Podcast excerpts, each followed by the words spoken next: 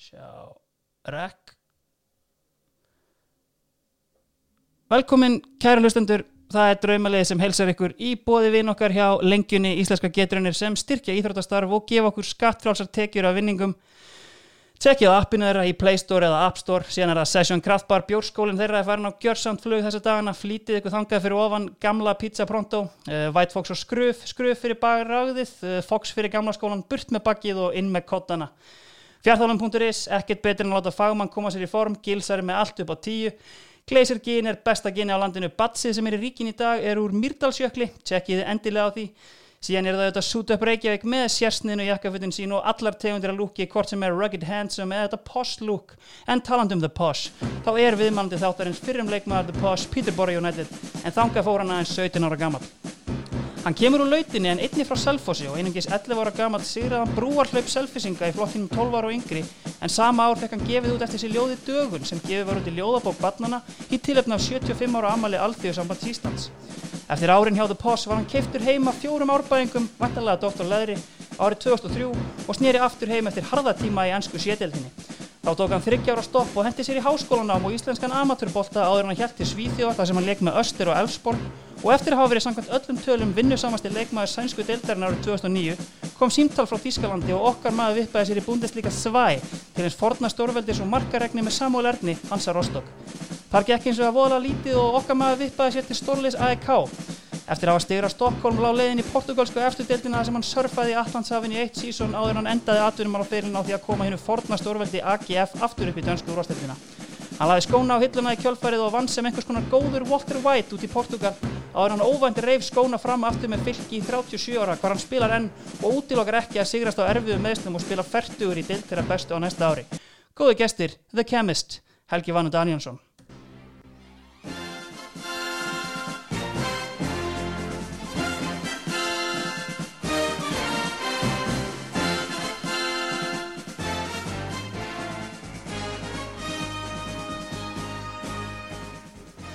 Blessaður Helgi.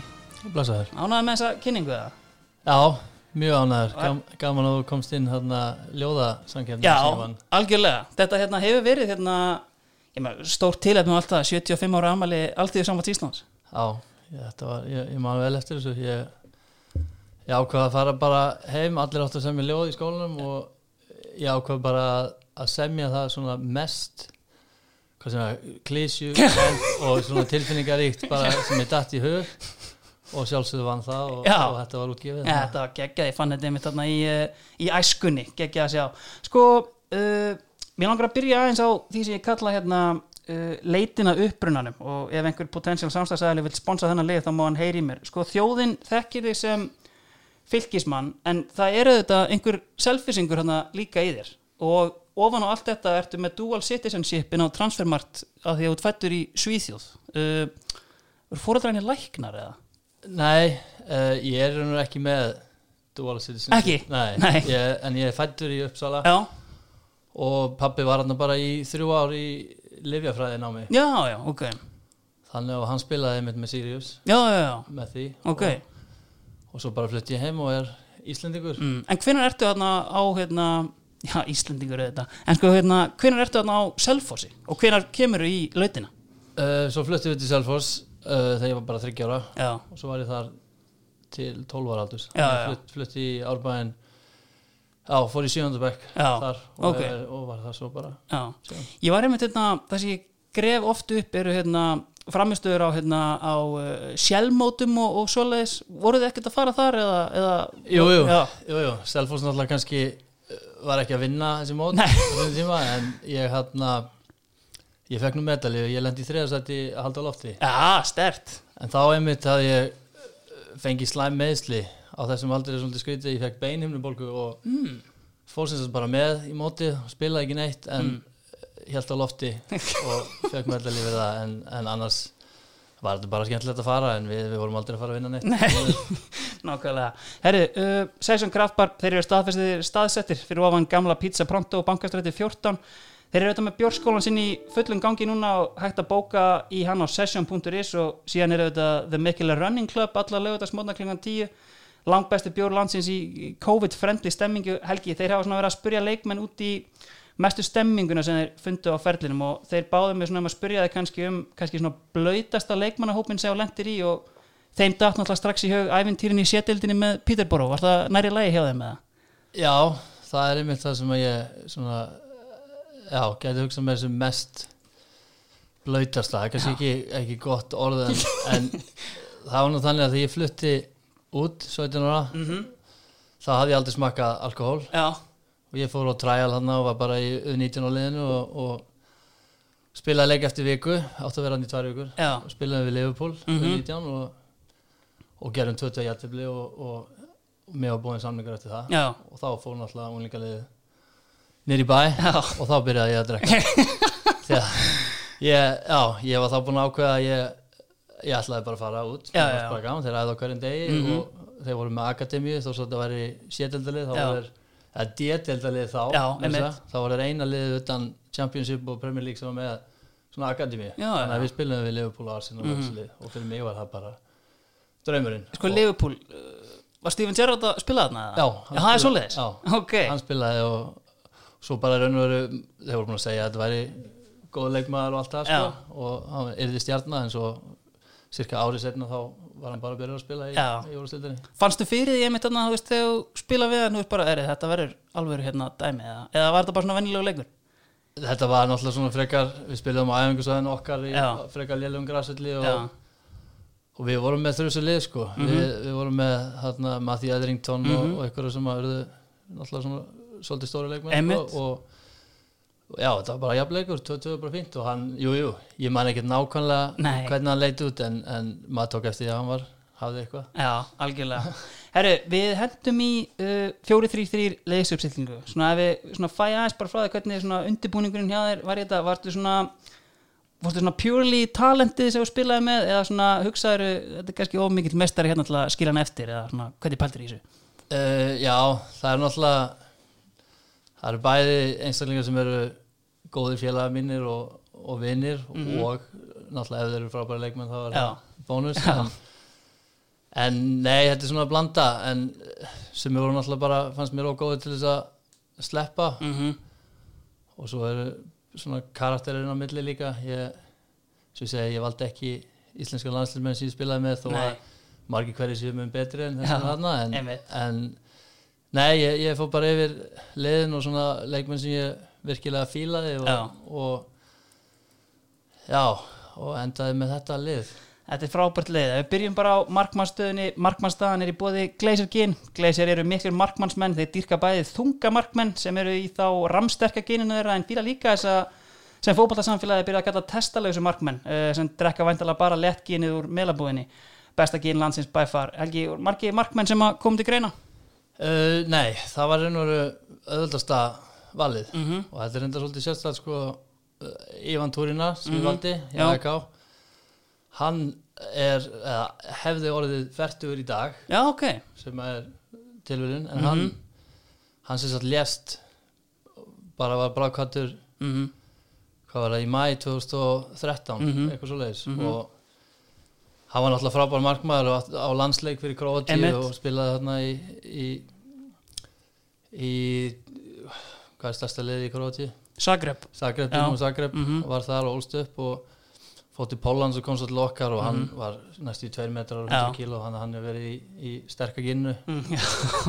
en, en já, og svo fyrir þetta það bara þetta sem gerðist, þá var hann frábár markmaður og hann bara haustið áður en, já, en hann fór þá næstu í einsins líðs þá, kom hann okkur í Európa-deildina í riðlakeppnina og var Mhm. bara algjör hetja í AEK einmitt, hann er einmitt eh, eins og kostinn á fyrir landsmarkmaður Króatíu og hérna og einmitt, eh, hann fær hjartastóð bara í svefni og veist, þe- þetta er kannski svona, veist þetta er rosalega skrítið, ekki það veist, þetta get ekki gerst á öllum vinnustöðum og svoleiðis, en það sem að eru fílhraustir kallmenn og þetta er það síðast að segja um að pæla í að þú veist, einhvern veginn og út skoða maður myndbandið af því einmitt fyrsta leiknum hjá AEK eftir þetta og tilfinningaþrungin stund og annað veist, er, hvernig er að mótivera sig í leik bara sem maður spilar svona einmitt í tengslum við svona ja, þetta var náttúrulega mjög skrítin og erfið tími hann stutt á eftir því að fyrir utan það að hann var liðsfélagi og félagi og alltaf þá,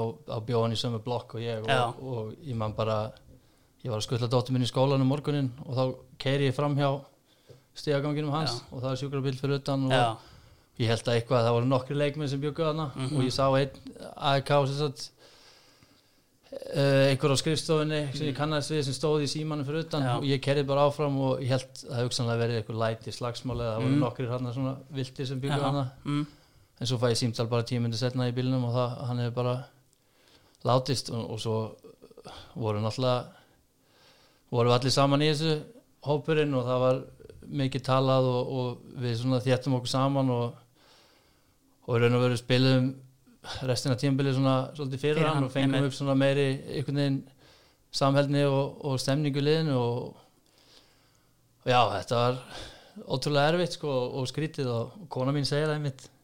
Maður kannski tekur ekki eftir sjálfur hvað ég var öðruvísi á Já, þessum tíma sko. já. þetta var mjög svona á, erfið tími og þeir þeir eru ennþá með á sko 27. mínútu í öllum leikjum þá sem var númerið hans þá er, er þögn í mínútu og og sem tjantaði í aðra mínútu já, einmitt, já, þannig að hann gleymist ekki og stuðnismenn eru það flotti þarna að þeir já, halda þessu gangandi. Algjörlega, sko við fyrir líka bara í hérna aðra markmenn, þú ert viðlóðandi landslið öll þessi ár og, og kannski meira svona einn af þessum sem er alltaf í hópnum og, og spila minna en svona þegar þú hugsar um landsliðsfyrirlin hver er svona þinn landsliðsmarkmaður? Svona, veist, sem að svona, veist, ef þú bara sér sjálfan fyrir þér bara í treyjunni og lítur tilbaka hver er í markinu?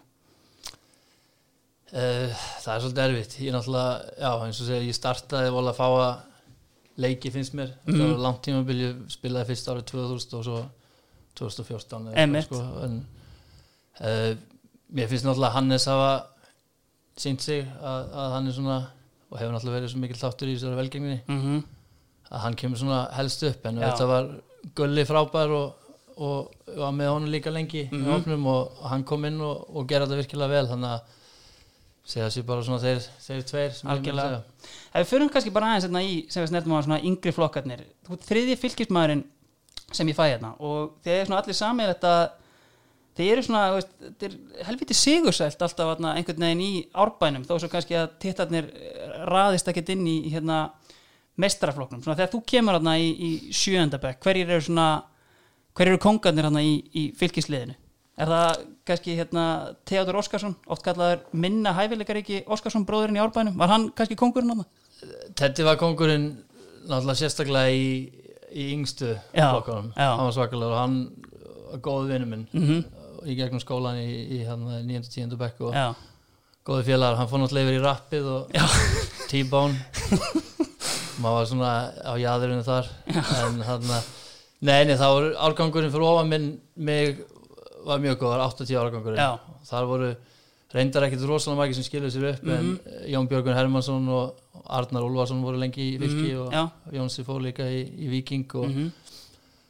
og svo var Robby hann í markinu Robby Gunn, Já. handbólta landslismæður Hefði hann einmitt eh, stundum ef einhvern tímann hérna snert á honum sko, var það alvöru kýper eða?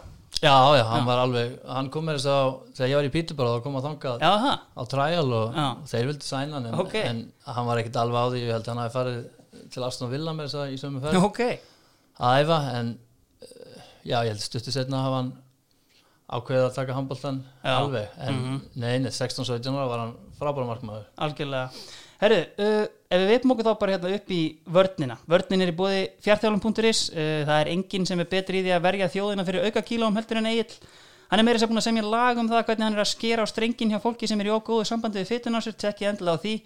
Helgi svona á þeim nótum ef við ekki bara byrja á hægri bakverðinum í vörninni. Jú, uh, ég væri svolítið, svolítið vandræðum að finna hægri bakverð, ég verið með nokkrum góðum og svona en, en þarna, ég valdi Dean Hooper Já, sem að er svona alvöru alvöru bretti af gamla skóla hann já, hann harkaði sig upp í í D-deldina og svo C-deldina og var búinn að spila í utan deldinu og hann er svolítið svipaður á vinstri bakurinn Já. hjá mér, grótharður og alltaf í formi og já. var að smíða hús á daginn og spila á kvöldin þannig að já, ég valdi Dean Hooper, hann var svona algjör vinner Já, gjörsanlega trilltur á Mhm, vellinum já. en svo ótrúlega næskæði mm.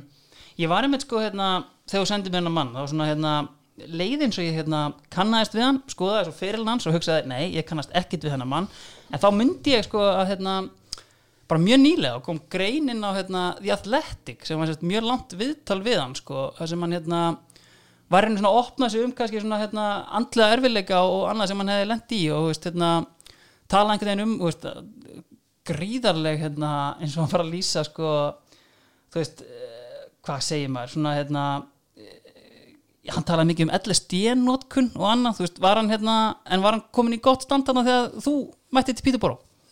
Já, þetta er sko þarna, meðan hann var að spila þá vissum við nú ekkert af þessu vandamálum sem hann hafði hann átti mjög erfitt heima á sig þegar hann var Mhm, lítill mhm. og það hefur svona fyllt honum upp á táningsárum og, og svo leið sem maður sá að hann var á stuttu þráður í honum Já. og hann var, já, gæti verið svona erfiður en, Mhm. en svo eftir fyrirlin þá er hann búin að er hann mest að vinna einmitt í svona góðgerar Já, starfsemi sem, sem tengist geðheilsu Mhm. og, og einmitt er, er bara á fullu í því núna og er mjög svona auðmjögur og góður og vill öllum vel en, en hann hefur átt mjög erfitt en, en hann var ekkert að tala um það Nei. þegar við spilum þetta er bara, eitthvað sem tíðið mitt já Mhm. og þú lokaði það inn í þannig og ég held að það hef ekki verið tíminn til þess að einmitt koma fram með svo leiðis, það er meira núna síðustu árin. Algjörlega, sko ef við förum bara aðeins, byrjum á hérna Peterborough tímanum, sko þú ferð þarna er það 98 sem þú hérna, ferð Já. út,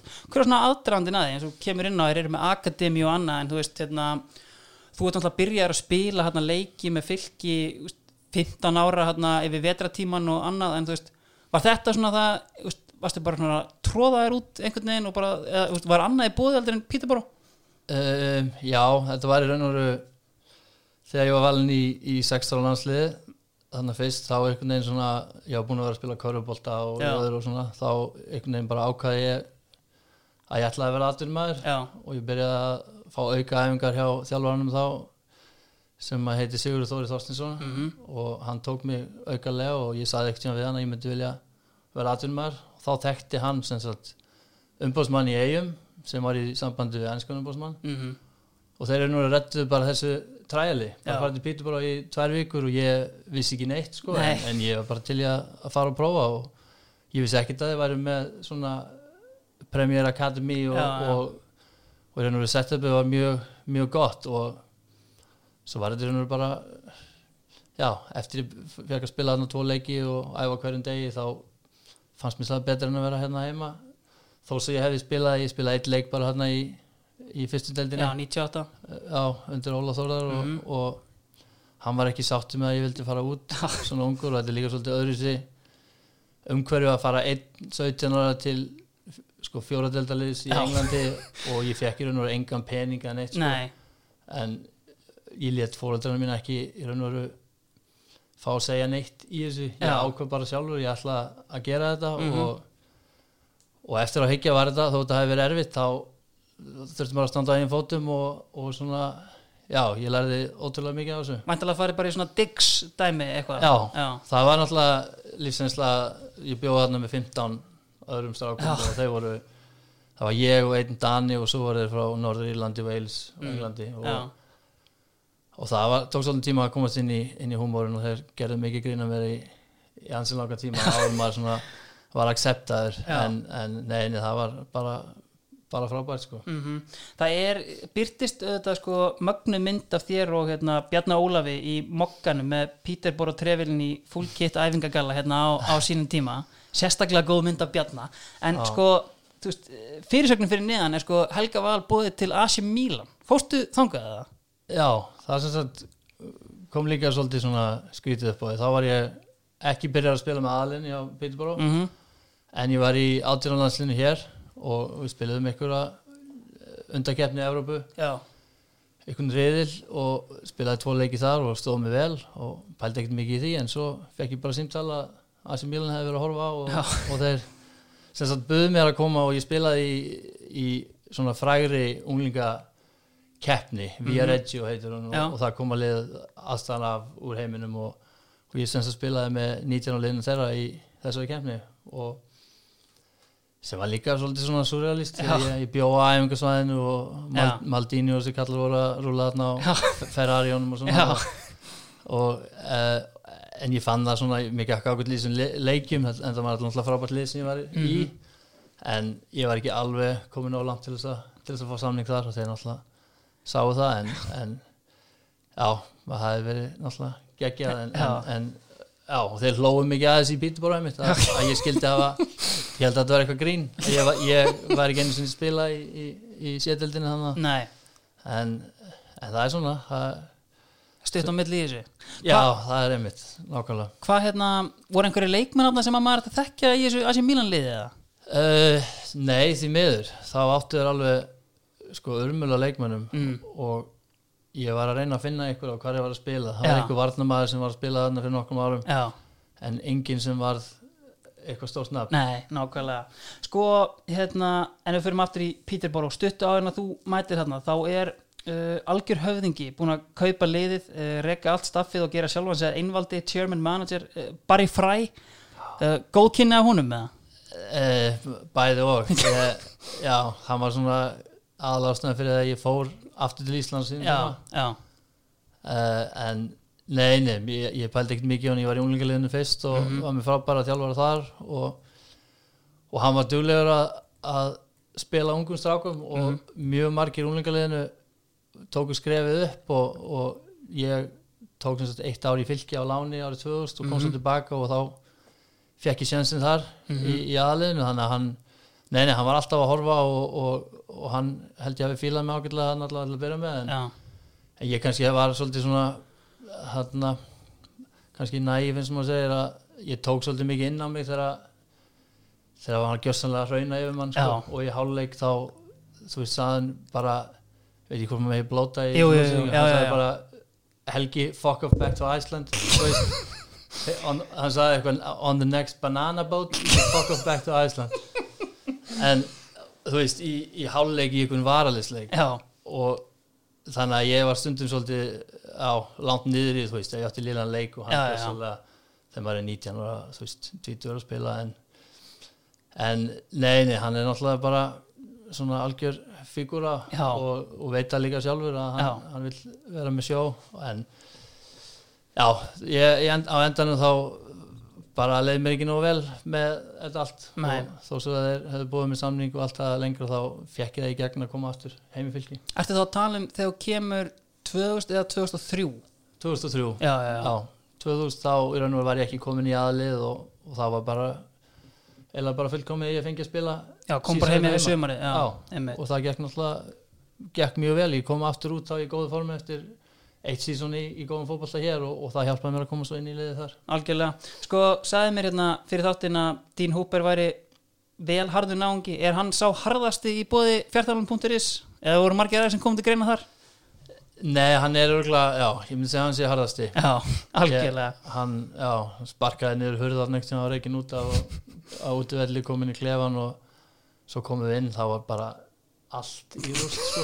var búið að sparka allt bara hún lá á jörðinni sko, hörðin, þannig að hann er þess að hann harðasti. klassi, herðu, uh, förum þá bara í vinstri bakurinn já, það er eini Íslandingurinn sem kemur inn. Já, og hann er eh, já, ég myndi segja eins og Dean Hooper að mörguleiti en algjör sem sagt hvað sem maður þvert á í, í öðrum eh, svona aspektum. Hann Gunnar Þóran alltaf bara er einn mest næs gæi sem ég kynst og spilað með og bara gjörsanlega frábær og, og góðu fótballtumæður og hann kannski veit að sjálfur að hann ekki, hefði gett orðið sko tíu sinni betri kannski. Mhm. hann gerði sér ekki grein fyrir hann var svo mikil íþróttumæður sko, og þú veist, hann gæti breakdansað og hann gæti gert allt og hann var bara veist, massa tröll skorinn og flottur en hann var, svona, var ekkert að stressa sér á hlutunum og, einmitt hann var líka bara að byggja hús og kortir í leik. Svo, svo mætti hann að spila 90 og alveg slagur en, en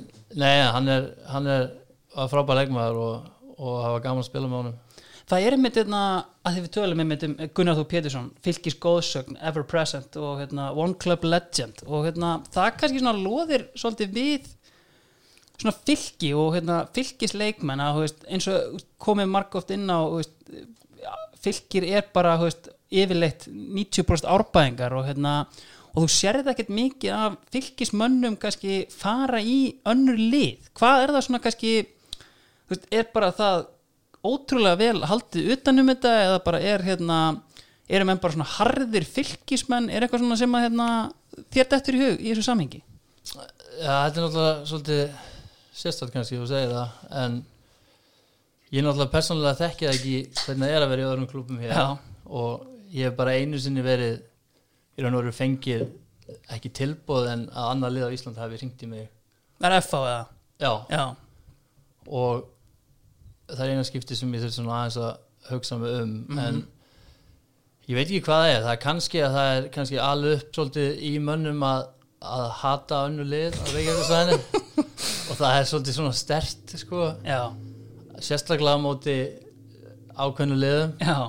Uh, en ég veit ekki, þetta kannski byrjaði með að það var svo margir uh, saman í þessum árgangi eins og það sem að Kitty Tom og. Finnur Kolbens og Gunnar Þóra allir þessir voru svona harði fylgismenn og voru aðna svona lengi. Svona implementar kannski ákveðin svona standard fyrir aðra yngri leikmenn eða? já, Mhm. og, og þeir náttúrulega náðu góðum árangur og þannig að 2000-2001 voru svona bestu árin hjá fylki allavega í, í langa tíma og svo komum við upp og, og þetta var einhvern veginn, ég veit ekki hjá mér hefur aldrei hefur aldrei dott í hug endilega að fara eitthvað annað en auðvitað myndum maður skilja ef ég væri búin að vera að spila núna kannski síðustu 7, 8, 9 árin og aldrei náð Mhm. kannski þessum árangur sem maður vill Já. ekki verið í Európa-keppni og allt svoleiðis Mhm.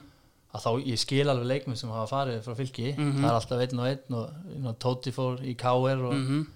það var náttúrulega ekki tekið vel í það á Nei. sínum tíma en, en og sást það líka bara núna sko þegar Emil Áspund fyrir Káir að hérna, árbæðingar reysu heldur betur upp á afturlæftuna þar já, já en það er þannig að það er alltaf einn og einn þetta sem fara og maður, maður skilur það það er ekki alltaf allir ánæður með sína stöðu og eins og það vilja en, en þetta er samt, já það er erfitt að útskýra það, en, en kannski er, er þetta svona fjölskylduklubur og fólki líður vel? Algjörlega. Uh, búin að koma inn að kemur hérna 19 ára aftur í fylki og spila hérna eitt sísón uh, búin að vera í úlingarleið Píterbóra þá í tvö ár. Sjáum þetta kannski með þú ert kannski svona einn af þessum fyrstu sem að tekur þetta akademíu skref uh, og fer, ferð þarna veist, út ungur, kemur heim þér þetta sumar gefa þér mikið að þú veist þetta koma og náttúrulega bara sem spilar er náttúrulega bara helling sem er kannski anstætt við það sem að aðri leikmenni gegnum tíðina sem að koma heim gera, varst ekki mikið eitthvað í hæri bakveri líka Jú. og annað? Ég var, ég spilaði raunur bara hæri já, allt, ég held ég Já. að spilaði eitthvað smá á miðinni þegar vantaði, við vorum náttúrulega með Gilva Einars og, og Sverri Sverris og Finn Kolbens Mhm. og, og Hrafgjell spilaði stundum miðinni mm þannig að það var erfitt að koma þar inn en þeir fundi stöðu fyrir mig hæri bakvörð og, og það gekk mjög vel við vorum náttúrulega, lendum í öðru sæti og hefum alveg getað unnið þetta og, og þannig að það var þetta frábæra reynsla fyrir mig Mhm. og, og það var líka gluggi fyrir mig til þess að sína landslýstjálfarinn hér, ég komst í, í 21. landslið Mhm. eftir þetta þá sem ég var veist, aðeins yngri og já, sem ég var kannski ekki endilega búin að rekna með en, en það gaf mér auðvitað eitthvað puss og, og svo þegar ég fór aftur út þá, þá gæti ég svona gert alveg allir að, að liðinu þar og, og, og, byrjaði að spila með aðliðin úti. Mm síðan er meitt komin á hann kemur heim 2003 eftir kannski að Barry Fry er búin að ganga frá þér. En svona sko kemur hérna heim og ert hérna heima í þrjú ár, veist, frá 22 til 25 þú veist, sér einhvern veginn eftir að hafa verið, veist, heil þrjú ár eða þú veist, hérna, var kannski ekkert annað í búði að fara aftur út, Varstu, var, Nei. komstu heim og svona lengt og ljóst ég ætla að koma út eins fljótt og ég get? Nei, alls ekki, það var meira þannig að ég hef alltaf verið kannski ómikinn fókus á hvað aðrir eru að gera og þetta með að fara í skóla og læra og mér fannst ég ekki verið að nýta tíma nógu vel þarna úti meðan fólk var að, læra hér og var svona að byggja sinn svona feril fyrir utan fótboltan Mhm. og þannig að ég í raun og veru hætti bara í fótboltan þannig séð sko, ég fór Já. í fylki en ég var ekkert að pæla í, í að komast aftur út en eitt svoleiðis Mm. og fór bara í skólan hér og, og ætlaði bara að spila með fylki og svona sjá hvernig það gengi og þessi ár hér í fylki voru allt í lægi en ekkert ekkert frábær en svo fæ ég bara tilbúð þannig 2006 að fara til Svíþjóðar og við ákvæðum bara ég og kona mín að gefa því séns aftur Mhm. atvinnum og Svíþjóð væri kannski svona þælar umhverju en England kannski. Já, upp á þetta svona í kringum boltan og, og allt það. Já, og þetta er þakkláttur fyrir já, að hafa að fylgja leiðið mér að fara. Mm -hmm. bara ákipis og, og þá byrjaði svona ferillin að, að svona hægt og býtandi að, byggjast upp aftur. byggjast aftur, það er einmitt hérna, þegar þú kemur aftur í fylki þá hérna, sko Wikipedia segir að fylkir hafi keift þig fyrir hérna 25.000 pund sko, Já. var, hérna, þú veist, var brasa komast frá Peterborough eða? Nei, nei, en, en þeir vildu fá þeir vildu fá summi pening. Já, ég, samningum var semst ekki útrunnin og, en ég vildi bara fara og ég var Mm. búin að vera í smá ströggli við það og þeir voru búin að banna mér að fara í, í landsleiki og já, svona mér einhvern veginn leiði ekki nógu vel ég, mér hlakka til að fara í landsleiki Já. og, og fá að, að fara en og já, þeir vildi fá smá pening en þeir, það var þetta flott ég fylgja þeir skröpuðu saman. Þetta voru þá bara einhverja þrjár miljónir eða eitthvað en, en samt, ég var allavega, já. Það eru þrjár Keyptur. miljonir, dregur það ekki Já, alltaf á fjöru grötunni sko. nei, nei, nei. Herriði, ok, færum okkur þá bara hérna í hafsendana, þú mútt bara ráða á konum þú byrjar. Uh, já, Teddy Lukic er hana já, sem var algjörst legend mhm, uh, í Svíþjóð og hann var hann semst í Elfsborg með mér. Mhm. Ég held að hann hafi komið bara á sama tímabil og ég kom, kom Einmitt. á sama tíma. Já. og hann var orðin 36, 35, já, 35 Já.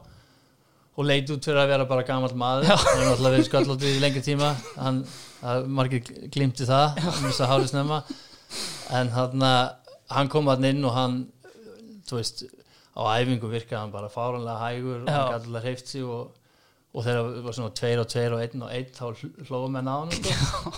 en svo byrja tímabilið og hann bara stígur ekki feilspor. Já. þessi tvö ár sem ég spilaði mhm, hann var bara klassin sem hann held var allt annar en hjá öðrum varnamönnum mm mhm. Og já, og svo bara frábær gæi líka utan vallar en já, algjör klassaspilar alveg 36-37 þarna. Þannig að hann var öðvöld val hann er mitt sko, mitt kemur hann á 36 ára hann þá er hann búinn að vera hjá til dæmis Leeds og, og Leverkusen. En, veist, og ánáttúrulega sko, hans helsti frammi er í sko sænska landsliðina sem hann ánáttúrulega einhverja 90 landsleiki og spilar á tveimur eða þreimur heimsvestaramótum og annað. Var hann hérna, veist, eins og segja kannski ekki hérna bestur á æfingum eða annað en þú veist var metnaður ennþá veist, í honum? Var hann láta menn heyra það og, og svoleiðis eða? Nei, einmitt ekki, hann er svona ótrúlega róleg típa já, og, og þannig í spilinu líka hann var bara, misti aldrei boltan Já. þú veist, hann var bestur í reit þó sem hann, hann leiti aldrei út fyrir að vera íþróttamæður sko. hann var alveg grindhóraður og virkaði svona hægur já, en hann var bara með hausinn það vel stilt hann að hann var alltaf alltaf á réttum stað og, og þú veist bara allt spil og sendingar og allt upp á tíu sko. Mhm. en, og til þess að spila þannig á þessum aldrei þá auðvitað hefur hann metnað en, en hann var aldrei neitt svona sem Nei. neinn áfram. Hann bara var pallur ólegur Já, sko, hérna eins og þú segir, fer frá fylki til Öster spila þar eitt sísón í hérna allsvenskunni og þið fallið það ekki? Jú, síðan einmitt það tekur, þú tekur bara heilt sísón með þeim eða ekki í súperættinni jú, og við föllum aftur. Þið fallið úr súperættinni líka? Já, sem sagt fyrstu tvö árum mín eftir ég prófaði aldrei aftur hérna í Öster var sem sagt fall tvö ári back to back relegation.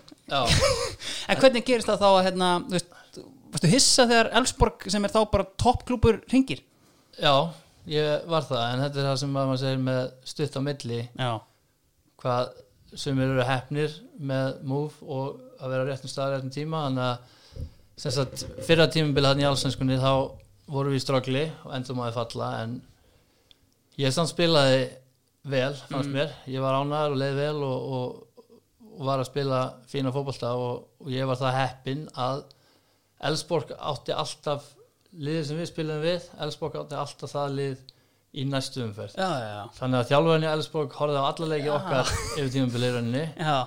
Magnús Haglund. Mm og svo spilaði ég í Superrættin eitt ár og við föllum og þá verða Elfsborg meistarar. Mm og þá vantar þá backup miðjumann, miðjumann. Þau voru með Andi Svensson Mhm. sem var náttúrulega aðmaðurinn og Mhm. svo voru þau með finskan landslýsmann Jari Ittola þarna sem var svolítið oft mittur þannig að þau vantaði bara backup. Já, og ég var alveg við að bara hætta aftur og fara til Íslands Já, ég já. ætla ekki að spila í þriðadeldinni Nei. í, í Svíþjóð sem er í veru áhuga mennska eins og hér þá geti ég alveg flutt heim en já, þá ringja þeir og vilja backa upp og ég náttúrulega, mér var ekki tugsað endilega eitthvað stórt hlutverk Nei. en fara aftur í besta liði í Svíþjóð Mm. mm. þau voru mestarar og, og þetta var bara rétt hjá ég þurfti bara að keira í einhvern hálftíma klukktíma Já. til Boros og þannig ég hoppaði bara á það Já. og, og já, eins og maður segir það er mjög stutt á milli algjörlega sko, hérna færum okkur bara yfir í hérna hinn hafsendin, hver lokar vörninni hjá þér?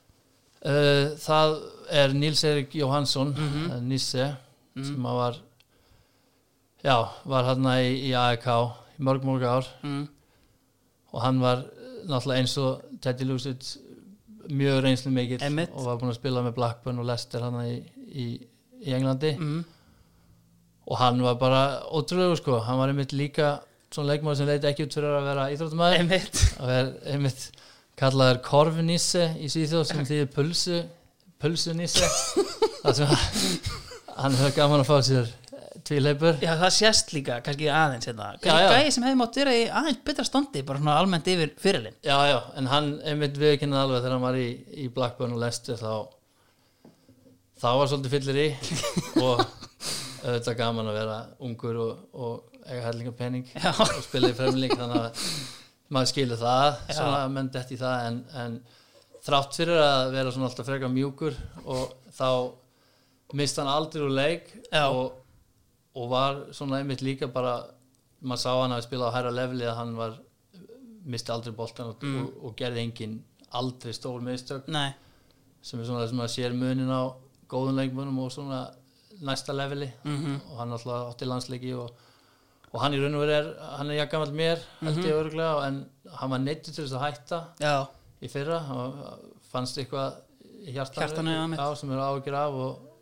en hann myndi örgulega spila endalust sko. Já. þrátt fyrir að fólk myndi ekki tippa það þegar að sá hann hérna, kannski á tvítusaldri úr, úr formi en, en nei, nei, hann, og hann var hann allir ár sem ég var í, í AEK algjör, algjör toppleikmaður og, og spilaði já, hver einustu mínútu og svona væntalega líka, ég meina hann er bara fyrirlið hérna held ég einhver 11 ára eða eitthvað svoleiðis og svona letur kongur hérna í AEK. já, já, algjör Já. og hann er örgulega að fara að færast yfir í eitthvað þjálfunastarf og eitthvað svona mm. -hmm. tengklúpnum hann að þeir eru góðir að halda í, í þessa gamlu leikmenn.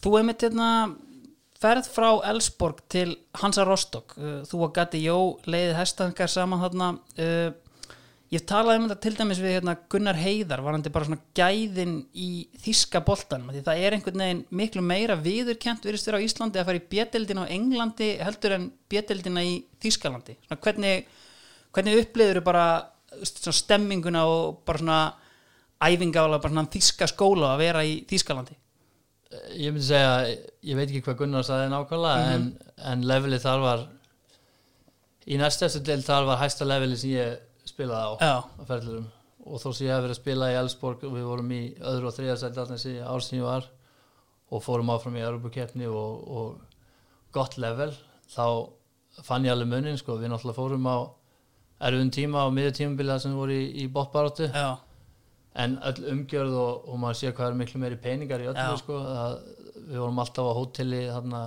fyrir heimaleiki og, og maturinn á vellinum og, og, og náttúrulega bara stuðningurinn það var þú veist, 20-30 mann þarna alltaf þó sem við varum í, í, í botbaráttu mhm og, og æfingarnar mun harðar en ég var, var vanur Já. ég kom já, kemur í janúarglöggarum, það ekki? já, þá var náttúrulega búið að vera frí í, í sænsku deildinni mm og þá var ég alveg langt á eftir ég var með lengra á eftir en ég gerði mig grein fyrir Já. og þurfti að æfa mikið einn og hlaupa aukalega og, og svona Mhm.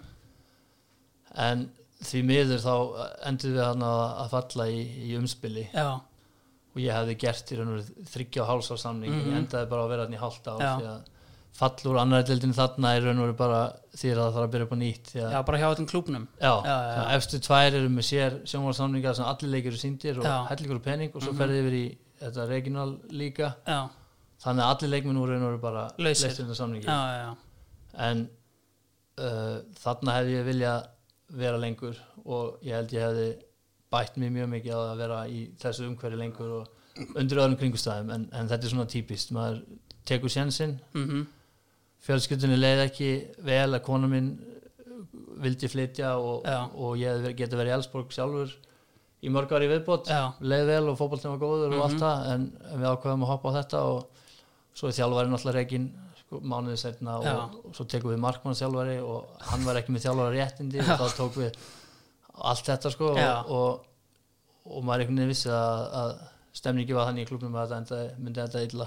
Sænar einmitt aftur þá hjá uh, sænskum mesturum AEK voru fleiri möguleikar í bóði þegar þú hérna losnaði frá Hansa Rostock Uh, nei, ekki svona sem ég þurfti eitthvað að hugsa mikið um allavega. Ég Mhm. fór og fekk að æfa hann með Óðense og býða þegar Rúrik var þar já, og já, það gekk svona ekkert, sérstaklega. Þeir kíkti á mig og einhvern annan þarna, Afríku mann, miðumann sem er sænuðu síðan Mhm. í framhaldinu en á meðan ég var þar þá fekk ég hringingu með AEK og það var svona smá sjens og ekki sjens, þeir náttúrulega eru stærsti klubun og þeir voru líka ári já. áður en voru í basli já, og voru að fá nýjan þjálfara og vildu breyta til og fá ykkur svona með reynslu.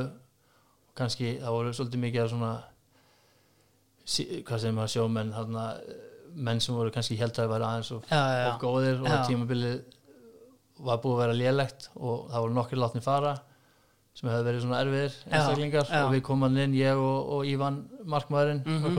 og, og einhverju tveir aðrir og, og við náum að halda okkur uppi og, og svo áttum við náttúrulega eftir það góð sísón meina það síðar. Sko áður en við förum upp á miðjuna Helgi, uh, Súta Breykjavík þeir eru bestir í jakkafötunum og eru akkurat núna ef hlustendur eru að taka þetta til til að live uh, þá eru jakkafötadagar hjá þeim 20% off Helgi, er einhver ákveðin leikmaður sem að þér dettur í hug sem er svona verst klætti leikmaðurinn sem þú spilaði með frá áferlinu Uh, þetta var svona þetta er erfiðasta spurningin því að maður vil náttúrulega ekki henda neinum fyrir Jú, jú. rútuna, Já. en, en ég ákvað að, að taka þetta á mig sjálfan Já, því að ég held ég sé ekki maður sem getur verið að að hérna kritisera aðra Já. hvað var það klæðaböð þannig að ég, já, ég held að það komi kannski engum óvart, ég tek þetta bara tekur þetta á sjálf mig. já, ég hef ekki verið nú duglegur að fylgja Nei, tísku strömmum og svona. Nei, og ég fekk að heyra það mikið einmitt í Englandi. Já. Það var bara einn ákveðin stíl mm. og sem ég þekkti ekki frá Íslandi. Og þannig að ég passaði aldrei inn þar og þetta hefur fyllt mér svona smá gríningum með þetta en, en ég, ég vel bara þægindi Já. yfir, yfir hérna hátísk Já, dæmum það ekki, ég kannski bara læti hafa númeri hjá Agli hjá Sútepp og við hérna, förum kannski bara yfir þetta. Já. Sko, ef við færum okkur þá bara upp á miðjuna, beint í kjölfærið og miðjan er eins og áður í bóði uh, Nikoland sem er White Fox og Skruf White Foxin er þetta orðin go to hjá fólkinu sem er hægt að taka í vöruna og reykja allan hann viðbjóð. Skrufið er svona fínstiltara, hægt að vera með allskins berjabröð og, og stilla nikotín magn eftir smekk Nikoland að flytja þess að tvo risa inn og er að vinna þrekvirki. Ef við byrjum bara á mm, djúpa miðjumanninum í liðinni á helga? Já, djúpur er Anders Svensson Já, sem að ég var svo hérna heppin að fá að spila með í tvö ár. Mm uh, Já, hann er náttúrulega bara algjört legend Mhm. og ég myndi segja af öllum þessum sem ég hef valið í þetta lið þá var hann örgulega besti leikmann sem ég hef spilað með. Já, hann er átta nýkomin aftur til hérna Elsborg eftir hérna döluna hjá Southampton og náttúrulega fyrir það búin að spila örglega einhver tíu ára eitthvað svoleiðis hjá Elsborg og eh, veist, ég talaði um hann hérna við Skúla Jón sem spilaði líka með honum hérna sittna á ferðinu þá var hann sko, orðinn svona enn eldri og svona en þú veist þegar þú kemur hérna er hann veist, skúli líst honum bara hann stjórni klúbnum bara hérna, þegar hann er hérna fimm ánum setna en hvernig var hann þegar þú komst þarna? Já, já, hann er náttúrulega hann vissi alveg hann var það góður að hann gatt tekið ákvarðanir. Já. þjálfarinn var sterkur og, og allt það en Anders vissi alveg hvað hann var að tala um og, og hann fekk líka fólk hlusta á hann þegar hann talaði. Já, en hann þrátt fyrir það þá er hann svona ég fíla leikmenn sem eru jákvæðir og ég kom hérna inn sem backup og svo náttúrulega mittist þessi finni já, sem var að spila með honum og, og verður meistar hérna ári áður og ég endaði að spila í raun og veru bara eila alla leiki þessi tvö ár með honum hérna og hann var alltaf að peppa mig með eitthvað svona að segja þú ert bestur í þessu. Þú veist, geggja, þú veist alls konar svona. Já. og þó svo að þetta hljómi svona eins og þetta sé bara eitthvað sem eitthvað svona hendi frá sér já, já, þá hefur þetta mikla þýðingu. Mhm. þegar maður er ekkert, þú veist ég, flestir þessi leikmenn sem eru þarna það eru nokkur aðri miðjumenn sem eru góðir. Mm, þá hef ég verið svona varaskeifan og verið svona já, hinn miðjumann hefur verið þessi meira talent og, og stjórnandi og ég hef verið svona meira að kofera og hlaupa og, gera skítverkin og, og eitthvað sem bara passaði mér bara mjög vel. Mm en þess vegna fílaði Andi svolítið sérstaklega vel því að hann var alltaf að peppa mig og var Mhm. mjög svona já, góð gæði bara, já, já ótrúlega góð gæði eins, eins og samt hafa margir svona aðra skoðan á hann því hann er líka svona algjör vinnir og, og rífur kjaft og er Mhm. alltaf með nöld og, veist, og í blöðunum og kvartar yfir hinn og þessu. Mm það eru svo margir af þessum leikmennum algjör snillingar eða emitt með þeim í liði. Algjörlega, sko þetta er raunin alveg fín ár sem þú átt þarna hjá Elsborg áranguslega, kannski eða, með að við kannski kemur í meistarali en menn hvað er í fjórðasæti og, og öðru sæti, veist, tapi titlinum svona hérna, að tapi veist, eigi séns hann í loka umferðin hérna setna ári en veist er þetta kannski svona, veist kannski síðan fyrir utan hverjum förum í setna Evrópa-æventýri, með betri liðnum sem þú spilaðir í eða? já, já, alveg pottitt Mm. þeir, þeir náttúrulega keiftu þarna Anders Svensson og, og Mattías Svensson Mm þarna árið áður eða tveimur árum áður og svo verður þeir meistara strax og beigðu glæni hann völl og, og settu svona alveg pening í þetta og við vorum konum með svakalega hóp Já. þessi ár sem ég var þarna og margir ungir sem komu upp og voru svo seldir og svona þannig að fótboltinn var frábær. Við vorum hefur kvartið við að við vorum á gerfugrassi og Mm. þá var þetta ennþá til til að nýtt þetta. Mhm. grasliðin voru að kvarta en við spilum svona hraðan á, bolta á blötu gerfugrassi Mm með marga góða leikmenn og já, og ég nöyti þess alveg þessi tvö var alveg í botn. Algjörlega. Sko sænskur fótbolti og svona hérna, ert þarna hjá Elsborg og, og AEK kannski sérstaklega veist, það er þessi últrasmenning og, og allt það, veist, er þetta er þetta meira á orði eða veist, verða menn alveg var við þessa harðkjarnastuðningsmenn bara út í búðu og, og annað slíkt? Já, já, alveg klálega það er náttúrulega minna í, í hérna í Öster og Elsborg já, en strax útkomin í Stokkólm eins og Já. þá er alltaf gríðalegu rígur á milli þessar Stokkólm að liða og síðan meira þess að tegja sig yfir til Gautaborgar og, og annað já, já, það voru alltaf ennþá á þessum tíma voru menn að hittast í einhverjum alminnsgarði og svona hópar og slást sko og, og náttúrulega já, Jörgóttin Hammarby og AEK Mm. alltaf ríkur en það voru margar svona hardkjarna grúpur Mm. í AEK sko, Mhm. það var Firman Boy sem eru svona hörðustu efstir í hérna fæðu keðinni það er geðinni og svo komu nokkrar minni og, og, og þeir höfðu alveg tök því að þeir fengu í raun og veru leifi frá klubnum ef þeir voru ekki sáttir við eitthvað þá komu sagt, menn frá þeim á æfingarsvæðið Já. og fengu að tala við leikmenn eða tala við aðra í róleitunum þannig sé Já. en, en, en í staðin fyrir að ignora það alveg og, og þá er þau kannski Já. læti og vesen sko, Já. þá fengu þeir að, að segja sína skoðun og tala við menn og, og þeir mættu margóft sko. Lendur þau alveg í svona samtölum þess að menn Já, voru bara, þú veist, akkur sendir hann ekki þarna og eða, veist, hvernig var, veist, Já, það var oft sko náttúrulega sérstaklega eftir einhverju lélega leiki Já. eða eitthvað svo leiðis, það var svona almennt en svo var leikmaður sem vildi fara og þeir voru ekki sátt við það, mjög góð leikmaður og þeir mættu bara að benga upp hjá honum fengi hann bara út og hann þurfti bara að útskýra sitt mál og já, já, þetta gerist alveg en sem betur fer, það var einhverju bara þarna fyrsta hálfa árið þar sem við vorum í basli já, og við náðum að snúa í við og halda okkur uppi en eftir það þá var gekk bara vel á liðinu og, Mhm. og miklu meira jákvæmt en neikvægt en það hefði hefði alveg geta orðið algjört vesen. Þetta er það stórir hópar og, og svona áhrifaríkir. Mhm, algjörlega. Herðu, uh, síðan tveir fyrir framann Anders okkar, uh, og maður bara ráða á konum þú byrjar. Já uh, svo var það Celso Borges Mhm. sem að ég spilaði svona mest með á miðinni hjá AEK Mhm. þessi ár sem ég var þar hann kom aðna held ég fyrir annað tímambili mitt Já, og hann var, var búin að spila í Nóri og var góður, góður leikmaður þar og, og allt það en samt ekkit ykkur stjarnan að skora svolítið mikið fyrir miðjumann og, en svo var hann bara stjarnað hann á nokkrum árum Mhm. og var náttúrulega í, í landslínu á Costa Rica og, og þeir komast á HM og þannig að hann var svona sá strax að hann er til seldur eitthvað annað en, en já, fyrir utan hvað hann er góður í fótbolta þá var hann svona minn besti félagi og er, er þungar okkar eins og ég og við vorum duglega að fara á tónleika og jamma, hann spilaði á trommur og Já, þannig að það var margt sem að hann tekkaði mörg box Já. hjá mér og, en nei, nei, hann var bara einmitt, það var sama og ég og Anders ég var með Celso og hann var að skora því líkt mikilvæg mörg og,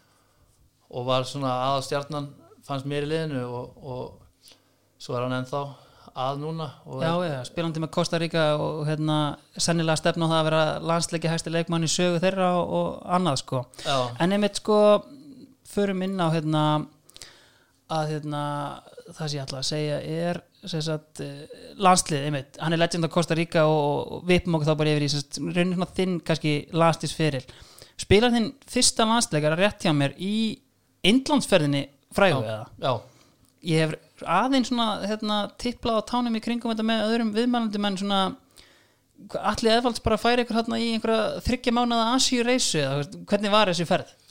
uh, ferðin var náttúrulega alveg frábær Já. mér, þetta var náttúrulega svona bílanslið Já, þar sem við vorum nokkrir nokkrir undir 21 sliðinu og svo nokkrir svona kannski ekki eldri en, en kannski leikmenn sem er að spila hérna heima og, og, svoleiðis svona stabílir góða leikmenn Mhm. í, í, hérna í KR og, Mhm. og þú veist bestu liðanum hérna heima á þessum tíma og var engar stjörnur þannig séð Mhm. þannig að neini þetta var bara eitthvað Millennium Cup Já, þeir böðu í allt og við þetta var enda mjög skrítið eitt liði mætti ekki Já. þannig að við komumst áfram þannig að það var bætt við viku Já, og já. við flugum síðan til einmitt til hérna við byrjuðum einhverstaðar sunnalega coachinn og fórum svo til Calcutta og spilum þar og þannig að við sáum margt og, og vorum alltaf mest bara inn á hotelli og, og svona að hanga saman. En þegar maður er já, 19 ára með nokkrum strákum út þetta eins og liðinu þá var þetta bara geggju svona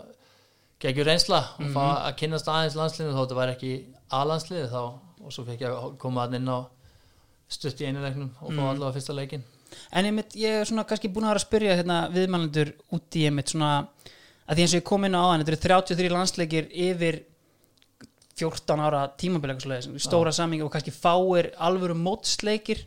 En svona þú kannski færð er sangjant að segja mér að þú fáir kannski svona fyrst alvöru breyk þegar bara Lars tekur við? Eða upplýður kannski mesta tröstið þegar hann kom? Eða veist, er ég að lesa vittlust í þetta?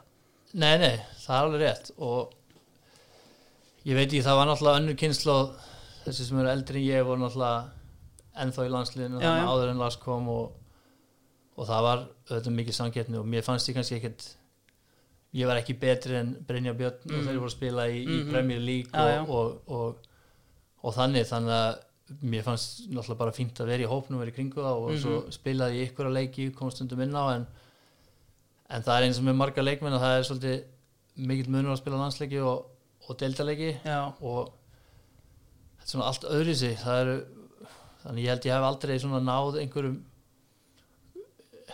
ekki nógu mörgum leikjum og ég kannski ekki náð að sína svona það sem ég get í þessum landsleikjum. Mhm. en þegar Lars kom þá náttúrulega var hann örgulega búin að sjá mig spila miklu meira en flestir á Íslandi. Já. hann náttúrulega býr með þess að hann er bara í hverfinu mínu í, í Stokkólmi og, já, og hann gerði mig fyrirlega hann í fyrsta leiknum sínum mhm út í Japan og, og já, ég held að hann einmitt vill halda svona vera með stabíl lið varnarlega og, og honum fannst ég gera það vel Mhm. að ég, ég dekkaði vel og var vel staðsettur og varnarlega en, en ég veit alveg sjálfur að, að mér var alltaf vantað svona þessi gæði fram á við og tækni og svona eins og margir aðri landsmenn hafa Mhm. núna þannig að ég verður nú alltaf verið sáttur við mína stöðu í landsliðinu Einmitt, þetta er svona, sér að koma inn á kannski svona, svona heilt yfir bara svona hvernig mann svona líta yfir bara svona farin vega einhvern veginn, þú veist, jú, veist, kannski vilja spila meira en þú veist, er það bara alltaf, þú veist, heiður og forréttindi og geggja að mæta í landslisverkefnir þó að maður sé ekkert endilega að fara að spila. Jú, jú, alveg. Ég veit að kannski þessi hugsun áttir á mér er ekki það sem nærmanni mann er kannski ekki eins langt á honum að kannski gera sér grein fyrir stöðu sinni. Mm, Sumir eh, kannski halda þessi miklu betur en eru já, og það stundum einhvern veginn skila sér og þeir ná lengra. já, En ég einhvern veginn uh, verið svona frekar realistiskur og ég sá að ég fekk náttúrulega að spila hann á miðinni í undankefninni hjá, hjá, hjá Lars þegar ég spilaði með Aroni, við spilum mm Mhm. með Normen heima já, og þá áttu við mjög góðan leik og það var svona fyrsti alveg landsleikum sem ég virkilega leiði vel í. Mhm. Og svo kemur aðeins dabari leikur eftir það og svo átti ég að spila sem stútt í Albaníu. Mhm.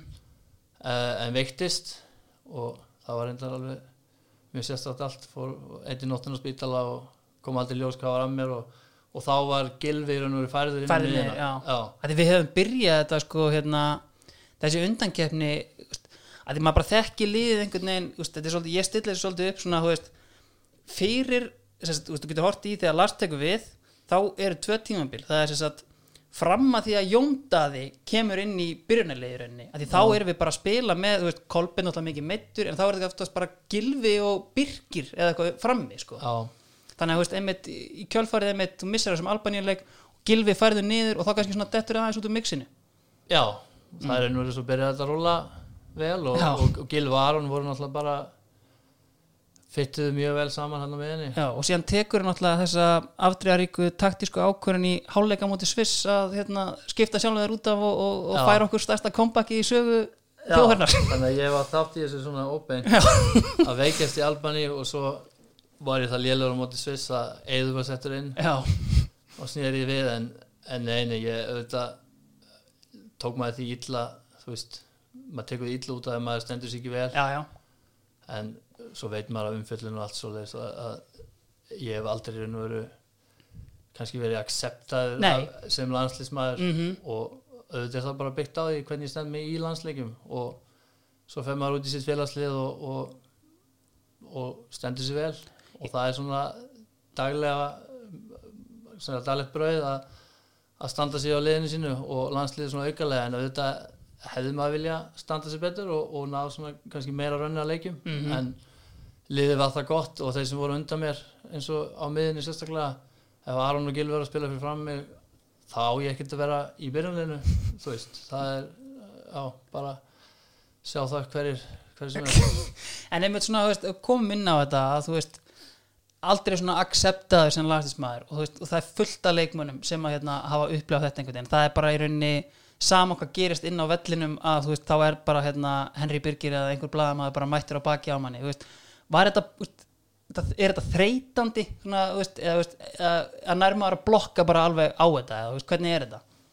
Nei, þetta er náttúrulega ekki, ekki þreytandi því að maður þetta er bara að maður er ósáttu við sjálfan sig að Já. ná ekki að sína allt Mm ég, held, ég myndi aldrei segja að ég fengi ósakjarna umfjöllun mm.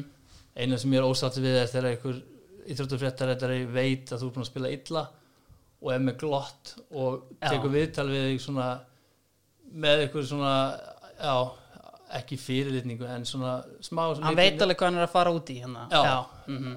þannig að það finnst mér auðvitað leðilegt en já, og allt skýtkast og svo það er miklu meira núna heldur en þá og Mhm. Twitter og allt svo já, ég get alveg ímyndum að hvað það sé erfitt að eiga lélega landsleik núna, maður þekkir náttúrulega mikið af þessum leikmönnum og svo sér maður stundum einn og einn gerir ykkur mistök og það er bara bara allt brjála Já. en, en þetta var ekki einst mikið þá og, og nei nei ég er bara sáttum að hafa verið í landsliðinu og í kringum landsliði svona lengi Mhm. og, og verið með öllum þessum góða leikmönnum En Ég mitt nokkur svona spurt sko, veist, ef við tökum kannski fyrir hennan tíma sem að gullkynslan kemur inn og annað, veist, eður smári þetta kannski langstæsta nafni sem að höfur en svona, veist, fyrir utan hann var einhver svona leikmaður í landsliðinu sem var svona, þú veist, mættir alltaf á æfingar og djúvillig þessi góður. Svona þú kannski svona reytaðir hæst að æfa með þarna? Já, það er náttúrulega það er náttúrulega rosalega margir góði leikmenn á þessum tíma þar sem að úrslitin voru Já, slæm.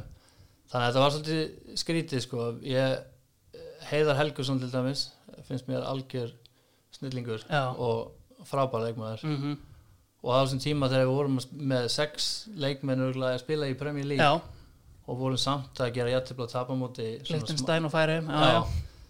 þá er þetta svolítið skrítið að, að það var eitthvað sem vantaði hann í kring en, en gæðin í leikmannhófnum voru alltaf góð fannst mér. Var þetta eitthvað sem hann varst bara svona, þú veist að því að maður einhvern veginn svona, þú veist standardin var bara það eins og er búið margótt fara yfir, hvort sem er bara í skrifstofni á KSI eða annað sem að Lars síðan ítir upp, en þú veist var þetta, þú veist, kannski bara svona smitaðist þetta mentality bara í leikmannahópin þannig að menn voru ekkert bara eitthvað svona, heyrðu, hvað er í gangi hérna? eða þú veist, Já, það var það sem mér fannst svona svona skrýtnast við þetta var að menn komu úr náttúrulega stórun liðum og landsliði var í raun og veru miklu minna lið en þeir voru að spila í dagstæðlega Já. þeir að koma úr svona aðstæða sem allt er tipp topp og svo koma þeir hingað og þá er eins og sé að taka skref niður á við. Mm út af náttúrulega umgjörðinu og allt það og líka náttúrulega árangurinn með þetta já, og þá einhvern veginn það er ekki vanlegt til árangurs ef að, ef að menn líti á þetta þannig að allt sé betra hjá félagsliðinu og koma hinga og það ánátt ekki vera þannig. Nei. þetta á að skrifa upp á við eins og ef sænsku leikmaður er valin í landslið að stíga upp í landslið og sænska er risa skref Já. með að spila í félagsliði bara, veist, spila í Jurgården eða eitthvað. Já, en þannig eru menn að spila í, í, já, í Premier League og mæta og, og spila landsleik með Íslandi og það er eins og sé að taka skref niður. Þannig að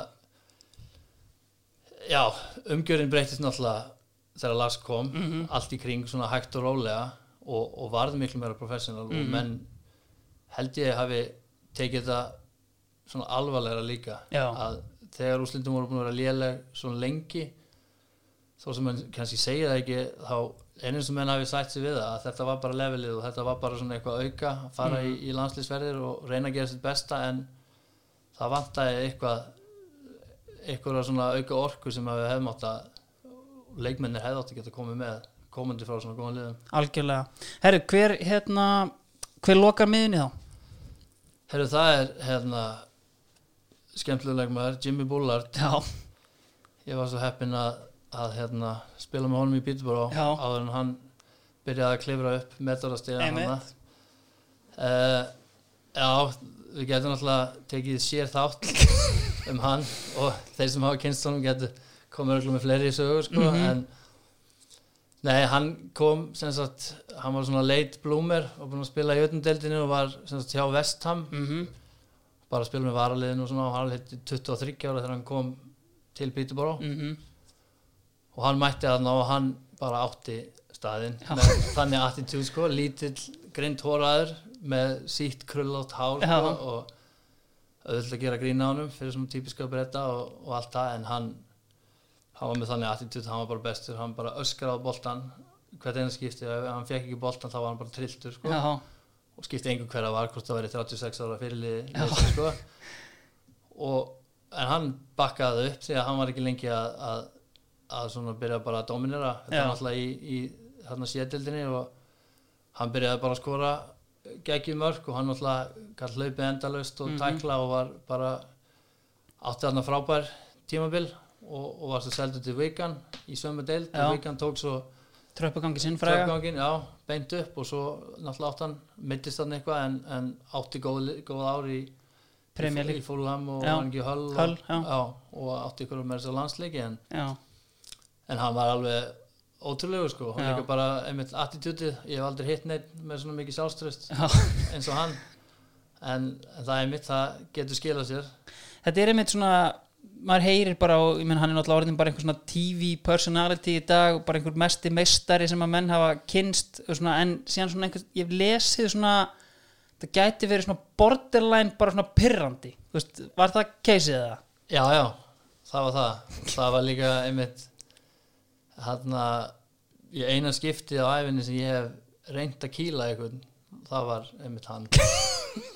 Bara, og það var að tala um bara í fótbolta og við utan fótbolta bara á æfinni Já, og það var hann einmitt svona bara á æfingu í einhverju einhverjum reit eða einhverju sko og, og hann var bara búin að rífa kjáft og ösku og ösku og eitthvað svona og, og á mig eitthvað. Og þá snýði mig bara við og ég bara blackout Já. algjört og ég tek bara svona hægri krók sem ég hef aldrei tekið á þér. Og ég hitt ekki. Og í staðin fyrir hann er eitthvað reyður þá byrjar hann bara að hlæja sko, og bara og ég náttúrulega þetta var vandrarlegt fyrir mig sko, ég misti mig alveg og, og svo bara í veist, næstu mánuðinni hvert skipti sem ég labbaði inn í klefan þá var bara, wow, Tyson veist, eitthvað svona grín sko, ég þurfti bara að lifa með því að, ég hefði mist mig aðeins en, en við vorum fínir félagar Mhm. og einmitt eins og með hinna miðumenn að ég var svona, var að skeifan hans var með hann á miðinni og hann var að, skora og, og dominera og, og nei, þetta var upp og niður þessi ári Píturbóra en, en við áttum hellinga góðum leikjum og, og góðum sigurum. Já, ég held að sé alveg uh, White Fox og Skruf voru að ringja í mig og fyrir þessa hegðun sem varst að lýsa þá held ég að sé ekki nokkur einasta spurning það að Jimmy Bullard, hann er refur draumaliðsins í bóði White Fox og, hérna, og Skruf hjá Helgavald til ykkur refur og, og auðli og, og mistari svona smá að þessum nótum kannski svona maður eins og Jimmy Bullard bandirinn og annað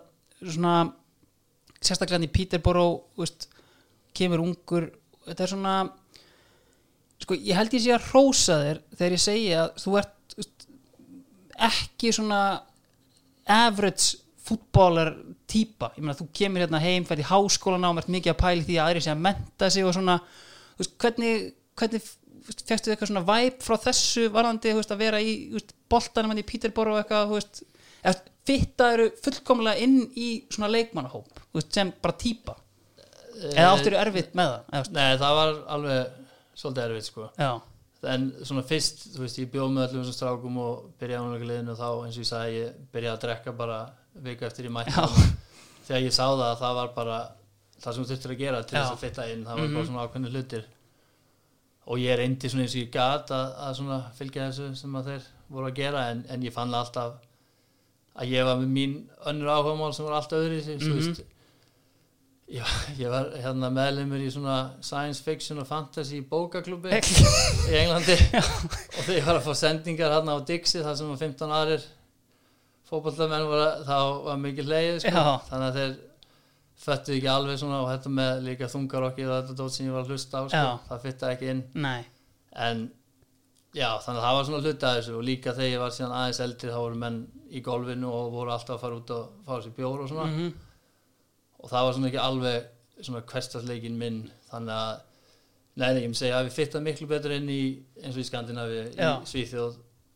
Það var meira, meira svona um, um, um fólk sem að ég átti meira samanleitt með og svona utanvallar og, og þannig, þannig að það var gaman að kynast þessu og allt það en, en ég endaði að hanga mest með sko, danska leikmannum hérna og það var svona gátum talað um hluti, gert grína breytunum saman Mm. og, og svona en, en já, ég fytta ekki svona alveg ekki alveg En þetta er einmitt svona að því að hérna, veist, að vera fótboltamaður er kannski einmitt eins og við erum bara koma inn á veist, þetta er miklu meira en bara að mæta á æfingar og hlaupa og veist, þetta er stressandi umhverju og annað og þú, kannski hérna, sækjandi háskólagráður á hérna, sama tíma út að spila fannstu marga aðra sem voru til dæmis í því þegar þú varst að spila þú veist, bara, þú veist, er, hérna, bækurnar bara eftir æfingu og, og svoleiðis Nei, það var, það var náttúrulega ekki mikið en, en þú veist, í unglingarleginni í Píturfóra þá áttu allir að fara í svona eins og mentaskóla, mm Mhm. tvö ár svona A-level sem þá þá voru allir bara að taka það sem var auðvöldast Já. þú veist, það sem er mjög sko leiðilegt að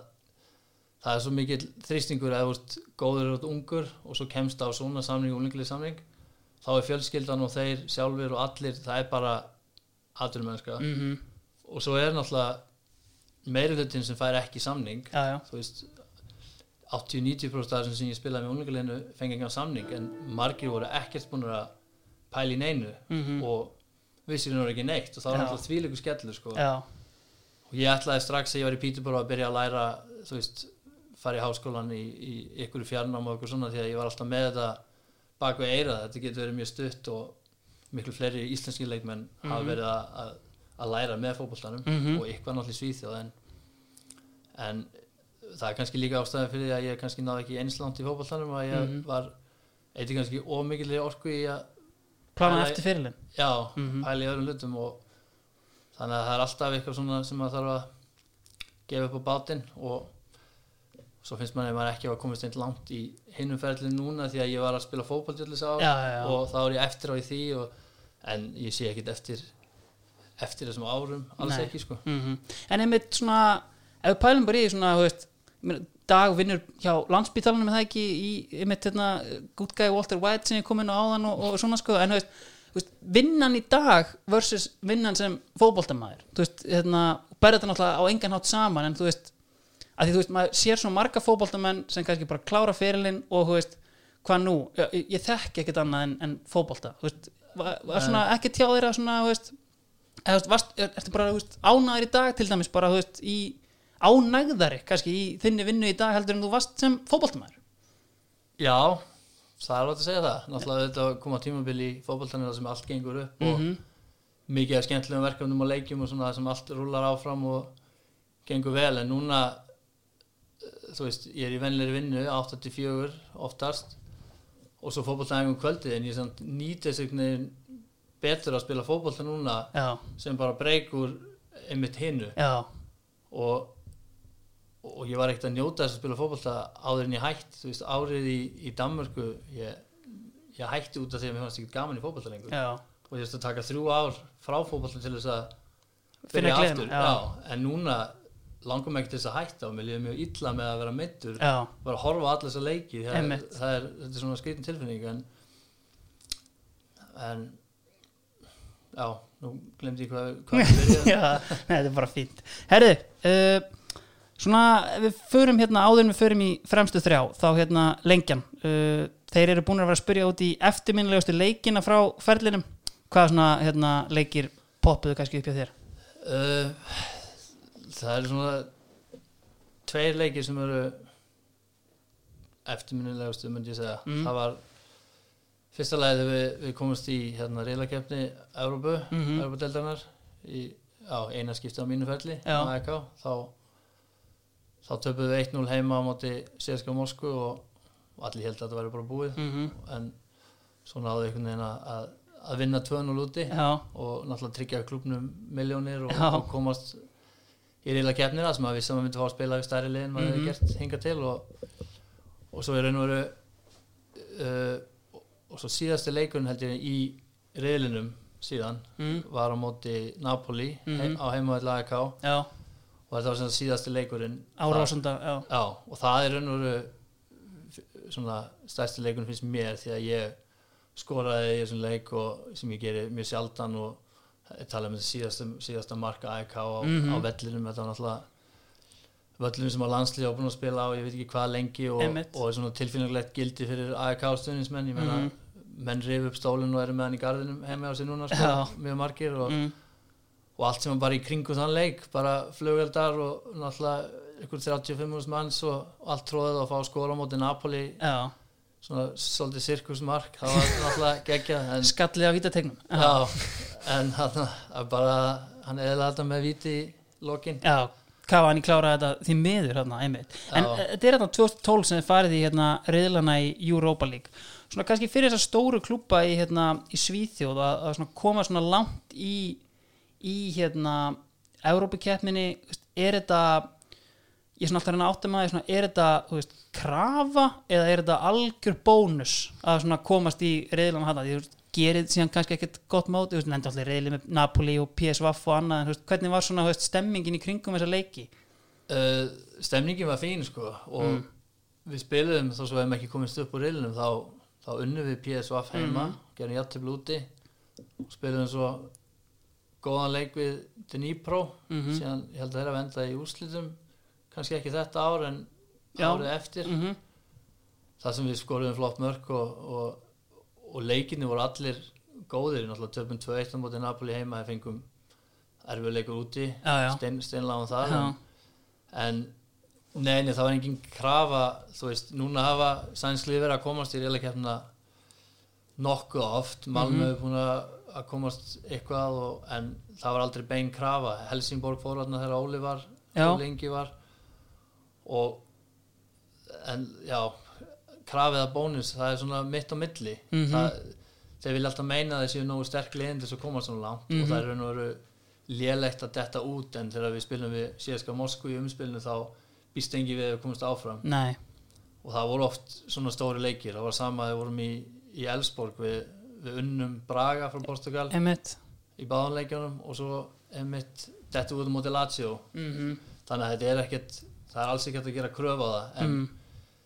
En ef að náttúrulega deildin ster, verður sterkari og þá fá það kannski betri auðvöldari mótstandara og, og þú veist þá, þá er það auðvöldara en, en nei, nei, þeir eru ekki alveg þar en, en þetta er mikilvæga liður í að að Sækja pening náttúrulega, já, já. sækja pening og geta byggt lið eins og Malmö hefur fengið svona pening úr þessum síðustu árum og Mhm. eru, eru besta liðið síðast minn núna. Já, einmitt. Svona, einmitt, ef við vippum okkur þá bara upp í fremstu þrjá og það er ennþá lengjan. Uh, Ég ger alltaf vinnuskjál fyrir lengjuna þegar ég kíki nýri höfustöðunar mæti þarna yfirleitt og læta einar smíða fyrir mig seðil seðil sem inni heldur fyrsta markaskorara og tví eða þrítikringar Svo mæti ég eftir helgina og kassa út en núna gerir þetta reyndar allt í nýja appinu hjá þeim. Uh, en í þessu skjali sem ég legg inn til lengjunar þeir svona skanna yfir fyrirlinn og einar á lengjunni var ekki lengi að spyrja mig býtu allar Helgi Valur ekki að vera með bangúra bræðunar upp á topp? Já, þeir voru þarna, voru inn í þessu. Já, Bang Bangura. Já, Nei, þeir voru þeir voru næstir inn. Já þetta, er svona, sí- þetta eru bræður frá uh, ég veit hendur ekki hvort þeir eru bræður. Þeir eru ekki bræðir Þeir eru ekki skildir. Nei. Ég held að annarkur maður heiti Bangura í Sierra Leone. Já, Allavega það var annar, annar Bangura líka. Hitti ykkur staðar. En þetta var einmitt þarna Tette bangúra sérstaklega sem að kemur hann til AEK og gjössanlega raðar inn þarna og, þarna, og, veist, og náttúrulega margir Afrikumenn sem hafa komið einmitt til Skandinavíu kannski einmitt og svona hérna gert garðin frægan og síðan svona feitað út. En þú veist, helstu kannski að þú veist, til dæmis Tette myndi ná veist, lengra heldur hann síðan gerði hann fyrir þetta til Tyrkland svo gengur ég ekkert upp hjá honum? Nei, þeir, þeir eru nefnilega þessi case bæði Mohamed Bangura sem var svona betri fyrst og Tetti kom svona aðeins setna mm. þeir eru báðir mjög sérstök case því að þeir ég heldur að hafi báðir komið til neðri deildaliðis í Svíþjóð Mhm. uppálega, Já. spilaði í annar deildina eða þriðdeildina eitthvað. Og þegar Tetti kom til okkar þá gat hann bara bókstaflega ekki neitt. Og hann gat í raun og verið ekkert í fótboll en hann var svona ótrúlega sterkur líkanlega mm og einhvern veginn í leikjum þá náði hann í ykkur svona poweri stundum sko skoraði alveg fáranlega mörg Mm. Já. sem hann skoraði aldrei á æfingu þannig að ég hefði ekkert svo miklu að trúa að hann myndi standa sig nei, á næsta og Mhm. ekki á herra leveli nei en Mohamed Bangura var uh, með miklu betri tækni og, og frábær svona leikmaður Mhm. og hann fór til Celtic og það gekk ekki, gekk ekki neitt Nei. og hann endaði síðan aftur fór í Elsborg í Mhm. Svíþjóð og, og eitthvað fleira en skemmtilega gaurar. Já já, það voru skemmtilega týpur. Kannski Mohamed fór aðeins svona yfir um hann var stjarnar svo fljótt. Já, prónaði yfir sig. Já, hann breytist mjög mikið sko. Já, þegar ég held að við höfum fengið hann á láni já, passað? já, já, þá var hann allt önnu týpa já, en það gata hann ekkert þá. Nei, þá var hann bara með headphones allan daginn sko, í morgumatnum og allt og þannig að hann var rauninu eins og hann, hann mætti ekkert sko. já, já, já, hann var ekkert í, í hann var ekkert í hópnum í rauninni. Nei, einmitt. En, en neini, þeir voru báðir skoruð alveg fáranlega mörk hann Mhm. á tímubili þannig að þetta mjög góður og síðan er kannski annar leikmaður sem að lengjan vildi fá að heyra frá AEK tímanum uh, spilaði ekki með Bojan Djordjic Nei, þú spilar ekki með spilaði honum? ekki. hann Nei. var sem sagt látin fara rétt ára nýja kom. Já, hann var erfiðleika hann já, hann og, og annar leikmaður. Já, voru látnir fara og Bojan er náttúrulega svona virkur í allir umræðum fótbolta Heldur í Svíþjóð betur, og svona lifið svolítið á fordri hann er, það eru fáir sem lifa meira á fordri fræð Já. já, þannig að hann er duglegur að, að tróða sér inn í sjónvarp og, og alls konar svona en hann var aldrei neitt hann var náttúrulega í liðinu þegar eruðu meistarar. Já, en hann var, hann var meira vesen hafa hann heldur en að, að láta hann fara. Þannig að já, hann, ég þekki hann samt svona ágætlega utan vallar, hann var Mm. alltaf í kringum góðu vinnur náttúrulega margar svo í liðinu Já, já. og úr hverfinu þarna. Mhm. Ágætis gæi, svona Já. aðeins ofhress Algjörlega, herri, förum þá bara út í hérna fremstu þrjá og byrjum bara hérna á uh, bara á vinstri kantinum kannski. Á vinstunum minn er Robin Quaison. Sem að var þarna já, kom frá held ég bara Bromma Póikana sem Mhm. er hann í nágrinni bara rétt hjá AEK og er svona lógist skref fyrir marga leikmenn sem Mhm. búa þarna í, í þessum hluta Stokkons mm og hann var alltaf mjög spennandi leikmaður var svona gæt gert svona einstaklingsmörk og, og eitthvað svona ekstra og hann var hérna svona eftir okkur aðeins fyrst á miðunni sem miðum miðumæður en svo byrjaði hann að koma inn og ég spilaði svolítið með hann á miðunni og, hann spilaði stundum út á kanti. Og já, hann skoraði oft svona bara einmitt kláraði leikið með einhvern draumamörkum og, og og, og var náttúrulega búin að taka nokkuð skref síðan fór til Þískalands og er náttúrulega núna bara landslýsmaður síðan hann er einmitt núna bara hérna, hann er alltaf kottnungu þegar þú spila með honum og hann Já. fær hérna break fyrir til Palermo í Ítalíu. Það sem var svona, veist, hann er mikið að spila en, en kannski hérna lítið í gangi en síðan er kannski bara núna síðasta tímabila sem hann hérna er hjá Mainz í Þískalandi og bara raðar inn og, og stort skref væntanlegt, verður þetta eitthvað svo, svona, veist, sástali fyrir að geti sprungið út? Já, hann er svona maður sá það strax að hann var svona all in gaur og fókusirar og hann var hann var ekki í efnafræðinni? Nei, hann var ekki, hann var hann úr hann það eru mörg útkverfið hann sem að AEK dreifur svolítið í. Mhm. það eru margir að Já, hann er alltaf frá Ghana, eða sérst hann er hálfur Ghana maður sko já, og, og maður sá það strax að hann var þú veist, þó sem hann væri ungur, hann er svolítið svona eins og valdi hjá okkur í fylki. Mm að þegar maður fyrst sér hann þá sér maður svo mikið potential sko, Já. en svo lítur maður á rekordi þá er einhvern veginn ekki búin að gera neitt samt. Já, já, en þá er, sér maður að það þarf bara eitthvað svona já, að gerast og þá svona springa þær út Mhm. og, og hann var og eins og valdi, þú veist, mikil keppnismæður og, og hundfull hann fari ekki að spila og svona Mhm. og, og það getur komið nýra mönnum ef það er of mikið en, en, en maður sá það að þeir voru með það mikið fókus að þeir vildu, vissu hvað þeir vildu og, og, viss, og voru með sjálfströst þú veist, og, og svo þegar hann byrjaði að spila og, og, og byrjaði að sína sig þá, þá sá maður allan hennar potential sem hann hafði svona einstaklingsframtök og, Mhm. Og svona þannig að neða komir ekki á orð að hann, hann myndi standa sig að þú kemur inn á hérna Valdimar Þór Ingimundarsson sem er núna farin til hérna Strömskottsins í veist, þetta er svona, veist, leikmaður kannski svona, veist, búin að, þú veist, frábær í fyrra og þá var maður kannski svona erfitt að pinpointa nákvæmlega svona hvaða væri nákvæmlega sem hann var að gera annað en að, skorar slatta sko, en þú veist, svona, veist, þú veist, að maður svona kannski horfir á hann og þú veist, hátt hann, þú veist, getur hann náð, mjög langt já, já, hann er náttúrulega það ungu núna Mhm. að, að vera búin að spila tvö sísón hér á fyrir Norris, finnst það bara góður tími fyrir hann, sérstaklega hann er góðin í 21 árs liði, það sem Mhm. er svona annar gluggi líka og mjög stert 21 árs lið þá, já, já, hann er líka sagði, mikil keppnismæður og, og veit alveg hvað hann vill og er bara svona fótbolti 100% Já. þannig að ég vona svo innlega að gangi vel í, í stamskósi því að hann er með svona þetta aukalega, þessi tvö ára sem hann var ég hef síðan hér, þá var hann búin að styrkja sig alveg þvílíkt sko. Mhm. svona árið miklu kraftmeiri Já, og allt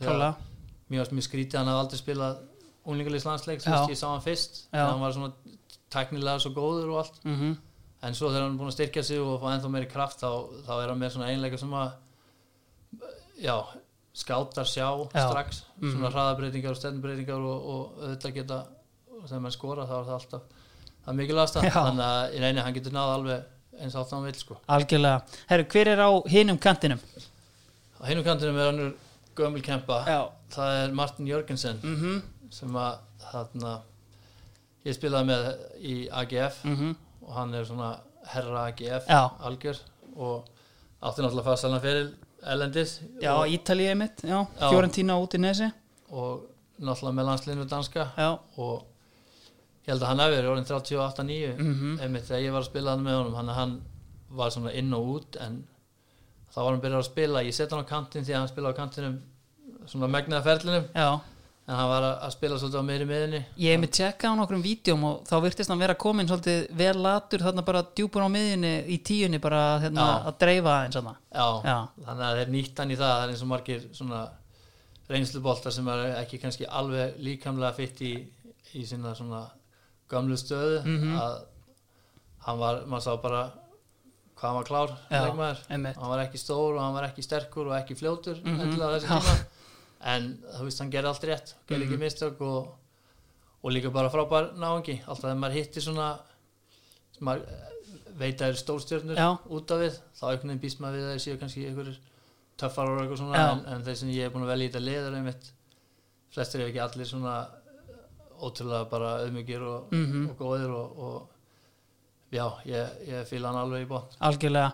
Þú kemur þarna frá sem sagt uh, Belenense, er þetta rétt borið fram hjá mér? Já. í, hérna, í AGF. Sko, eitt ára í Portugal uh, talar um áðan kannski að hérna, veist, B-deildin í Þýskalandi var hæsta level sem við spilaði en út í efstu deild í Portugal veist, hvernig var hérna Já, hvernig var þetta veist, level að spila þar þetta er náttúrulega sko, í Þýskaland eru, er levelið svo hátt hjá öllum liðum Já. og það er svo mikil stöðningur og allt í kring mm -hmm. en í Portugal er sko, deltinn var rönguð fymta besta í, í Evrópa á þessum Mhm. tíma þú veist, fyrir ofan Frakland en það er náttúrulega bara út af því að veist, stærstu klubbanir eru svo ógislega góðir já en svo er, sko, komið svo mikið óvart að hvað er mikil munur mm og þó svo að, að já, spila í efstu deild þarna þá er hellingur leikin þar sem þú vorst að spila fyrir framan bara, þú veist, 3000 manns eða eitthvað.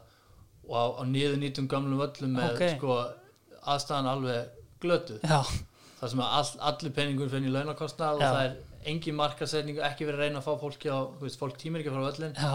Það horfa bara allir á þetta sjón, í og, eða á, á pöpnum mm en þegar maður spilaði stóruleikina þá var það náttúrulega geggjað. Og við, við náttúrulega þeir voru að koma upp þegar ég kom einmitt og og eru búin að halda sér núna það er orðin svona stabilt mm Mhm. í deildinni en þetta er náttúrulega einn af fortflægu klubunum Mhm. einn af bara fjórum sem hafa unnið fjórum eða fimm Já. liðum sem hafa unnið deildina já, þannig að, og í Lissabon þannig að þetta er svona þegar ég kom á flottu völlur og, og saga og, og geggjum stað sko. mm þannig að margt sem heitlaði mig en, en svo að fyndi að spila fyrsta heimaleikin og það var, þú veist, á 30 mann velli voru bara 5.000 og, og þannig að það var minni, minni svona þrýstingur utan á komandi. Ég Svo spila í já. AEK þá var svo mikið stuðningur og mikið í gangi í kring hvernig einasta leik og allt þetta að mann fannst maður vera að hluta einhverju svona stærra. Já, ef maður fattaði ekki hér ánverið kannski í Belensis fyrir maður fór að spilaði úti á móti Benfica. Já, að þá leið manni, þá fekk maður Já. þetta búst sko, að maður sé að gera eitthvað sem skiptir máli en inn á millið mitt voru, voru svona litli leikir og, og þú veist en fótboltinn er góður, mjög Mhm, góður mhm. náttúrulega hellingur á brössum þarna og, og svona skemmtilegt að kynast öðru sem Mhm. ég, held að, ég held að þetta hefði passað mér svona ágætlega, tempóið var frekar hægt já og svona mikið varnar sko, fókusera mm og já, það gekk bara gekk bara fínt út af tímabili náttúrulega vorum að reyna að halda okkur uppi og, -hmm. og svona tæft á tímabili en, Mm en, en ég nötti þess að, að spila samt Varstu með marga aðra möguleika þegar þú fórst þangað hérna, í- frá AEK? uh, Nei, ég raun og ekki ég, sagt þeir við mig bara í AEK að þeir ætla ekki að framleika við mig Mm -hmm. þeir voru með ungan leikmann afrískan sem var byrjar að spila aðeins og þeir ætluðu bara að, að sagt keira á hann. Já, og þeim fannst ég vera, þú veist, kannski bara komin yfir mitt besta og, Mhm. og kannski of hánlaunu með við unga, þú veist, já, já. leikmenn. Og ég sætti mig þannig sér bara alveg við það. En, Mhm. en eftir að sögum mér þá samt spilaði ég megnið að tímabilinu. Mm og þú veist já, reyndi að gera það best úr þessu. En, en þetta með Belensis kom líka svona bara eins og þrjumor heiskjur lofti. Já, að það hafði umbúðsmaðurinn hitt eiganda liðsins einhver staðar í Danmörku já. og eitthvað að hann sagðist á áhuga, áhuga að prófa eitthvað nýtt. Mm og þá einmitt hafði hann sambandi við hann sem sagt varandi mig og svo Eggert Gunnþór Já, setna mm og neini, ég held að það hefði bara gengið ágætlega, en alltaf svolítið svona kultursjokk fyrir okkur að, að fara þangað þar sem að það er margt öðru sig enn í Skandinavíu. En, en fótboltinn er alveg frábær sko, en ég var bara ekki í svona réttu ástandi andlega til þess að halda áfram. Ég spilaði síðan tvo fyrstu leikina þarna á öðru tímabilinu. Já, og var þá í raun og veru bara ætlaði bara að hætta alveg. Já. En þá kom þetta upp hérna í, í Danmörku. Var þetta þá bara, þú veist, pjúra leiði á fótbolta eða sem að, veist? Já, ég var búin að vera svolítið svona mikið upp og niður. Já, við erum svona aðeins að díla við svona kvíða og, Mhm. og svona. Og, og ég, já, ég var raunur alveg tilbúin að, hætta bara en við ætlum samt að búa áfram í, í Portugal Mhm. og, og þegar ég ákvaði að fara til Danmark þá var fjölskyldan áfram í Portugal allavega Já. með enni svona að fyndi út hvernig Mhm. þetta gengi já, en þó sem við höfum farið upp hann með AGF og ég spilaði svona þá leiki þegar sem ég var fitt mm þá leið mér alls ekki vel og, og í staðin fyrir að spila eitt ár í úrvastildinni þar, ég gerði tveikjara samling Mhm. þá, þá, þá bara hætti ég Mhm. rauninni þannig að í staðin fyrir að flytja familínu til Danmarku þar sem ég var Mhm. ekki alveg, ég vissi ekki ég var eiginlega bara vissum að ég myndi ekki njóta þess að spila lengur Mhm. þá, þá ákvað ég að að hætti þessu bara mm og einmitt, þú veist, kannski veist, er þetta kannski bara svona veist, það sem við erum búin að að snerta á varandi bara svona, umhverfið sem að fótboltinn er, bara svona, framistöðu kvíði og bara svona, þetta er þungt að vinna í svona umhverfi Já, já, það tekur, tekur á það er náttúrulega, maður má kannski ekki vera væla yfir því Nei, nei. veist, af það er náttúrulega luxus að fá að spila En er það ekki einmitt málið? Að veist, það er fullt af hérna, öðrum vinnum sem eru veist, luxus að vinna við en veist, með einhvern veginn allir tjá hvernig þeim líður með það en síðan er þetta kannski einhvern veginn svona alltaf eitthvað tabu að tala um að það sé ekkert alltaf dans á rósum í, í þessu Já, neini, það er þú veist ég fjall þrisa sinnum á ferlinum og var í fallbaróttu nokk sinnum og, og þú veist það var eh, já, oft var þetta mjög svona erfitt andlega og svo líka bara utan að komandi hlutir og svona persónlega, Mhm. þú veist þannig að ég myndi ekki segja að það verið fótboltinn endilega bara sem að ég var komið leið að það var bara já, ég vildi bara gera eitthvað nýtt og, Mhm. og ég var ekki að finna mig hann allavega í, í Danmörku mm -hmm. og já, ég fór eiginlega bara svona alveg eins langt og ég, niður ég get þá, Já. áður en ég hætti. Mm þannig að en, en nei, nei, það er þetta með eins og segjum með andlega veikindi og leikmenn og svona, það er alveg miklu stærri hlutur en, en fólk gerir sér grein fyrir, þú veist Mhm. en, en það er örugglega margir sem að vilja ekki tala um það því að þeir þjána svo mikið pening að, Já, já, að, að þeir vera kritisera fyrir það. Algjörlega. Þú veist það er eins og það er. Algjörlega, sko, en ég bin bara veist, AGF sem klúppur þú veist, þetta er náttúrulega fortfrægu klúppur einhvern veginn að þú kemur að neyra í, í hérna B-dildinni, þú veist fannstu, ég talaði hérna við til dæmis Kára Átna, hann leiði ekkert sérstaklega vel hérna í AGF og talaði um að það væri margt að einhvern veginn en þú veist, hvernig fílaði þú að vera þú veist, bara svona almennt svona óháð hinnu, bara svona, veist, klúppin sem slíkan? Já, ég, ég veru fílaði klubbin alveg mjög vel. Já, ég, veginn, mér leiði svona bara verst með að ég var ekki í réttu svona ástandi til þess að, að njóta þess og, og kannski gefa meira af mér og svo leiðis en nei, klubbinu var, var flottur og við vorum hann með Morten Víkhorst þjálfara. Mhm, sem var einmitt einn af þessum þjálfarum sem ég haft sem er svona ótrúlega góður einn og einn, svona persónlega og, og talaði mikið við mig og, og hafði trú á mér og, og, og þá leið mér bara, bara illa ef ég, ég var ekki 100% ég vissi Já. að heila allt tímabilið að ég var ekki 100% mhm og út af að ég var ekki meittur þá fannst mér ekki vera nógu afsökun út af að ég var, ég, og veru, ég var bara veikur já. veist. en og auðvitað bæti ég ofan að ég flytt skil fjölskyldan eftir í Portugal og er einn í Danmarku og er ekki að veist, höndla þetta mhm, en allir í kringum klubbin og, og einmitt strákunir í liðinu þú veist, bara mestmægni snillingar Já, og tímabili gekk mjög vel þú veist, Mhm. við förum upp og ætti að vera miklu meira svona jákvætt í kringum þetta en, en fyrst að við fórum upp þá var svona ákveðin léttis fyrir mig að ég allavega hafði hjálpað til eitthvað að, að sísónu var gott og þá Mhm. en ég var alls ekki tilbúin að spila í, í Nei. eftir del í Danmarku Mhm. ekki í, í þessu ásíkumulagi mhm þó svo að þú veist já, ég raun og eina ástæðan fyrir ég fór var í staðin fyrir að hætta var út af því að ég fekk mjög góðan samning Já, og ég vissi ekkert hvað ég er að fara að gera eftir þetta Einmitt. ég farið áfram í nám og eitthvað svoleiðis Já. og þá gerði ég þetta en það var semst ekki alveg á réttum fórsendum Mhm. því að ég, ég var bara ekki tilbúin í það nei, nákvæmlega Herðu, hver lokar þá bara liðinu upp á topp? það er hérna Leon McKenzie Já, frá Peterborough mm, sem er líka góðu karakter og, Mhm. og geggjaða leikmaður ekkert eðlilega massaður. Nei og því líku boksari og, Já, og hann var, var skemmtileg típa því að við hérna vorum ósámálega mjög margt já, og vorum mikið að, að hérna, rökraða hluti og svona. Mm, en, en alltaf góða nótunum samt. Mm. en nei, nei, hann var bara frábær. Ég manni hvort sem við fengið hann á láni frá Crystal Palace ég held það, já, fyrst. Já, fyrst og hann kom bara inn með svona auka gæði og, og það er svo margir svona sendirar í Englandi sem að maður sér á æfingum og maður mann finnst þeir ekkert verið neitt sérstaklega góðir. Við vorum með fleiri sko sendirar, við vorum með Jason Lee hérna Mm. sem var með hérna, ananasin á hausnum. Hann var, þú veist, leit út fyrir að búin að því 30 og eitthvað og Andy Clark sem var í Wimbledon kom Mhm, til okkar já.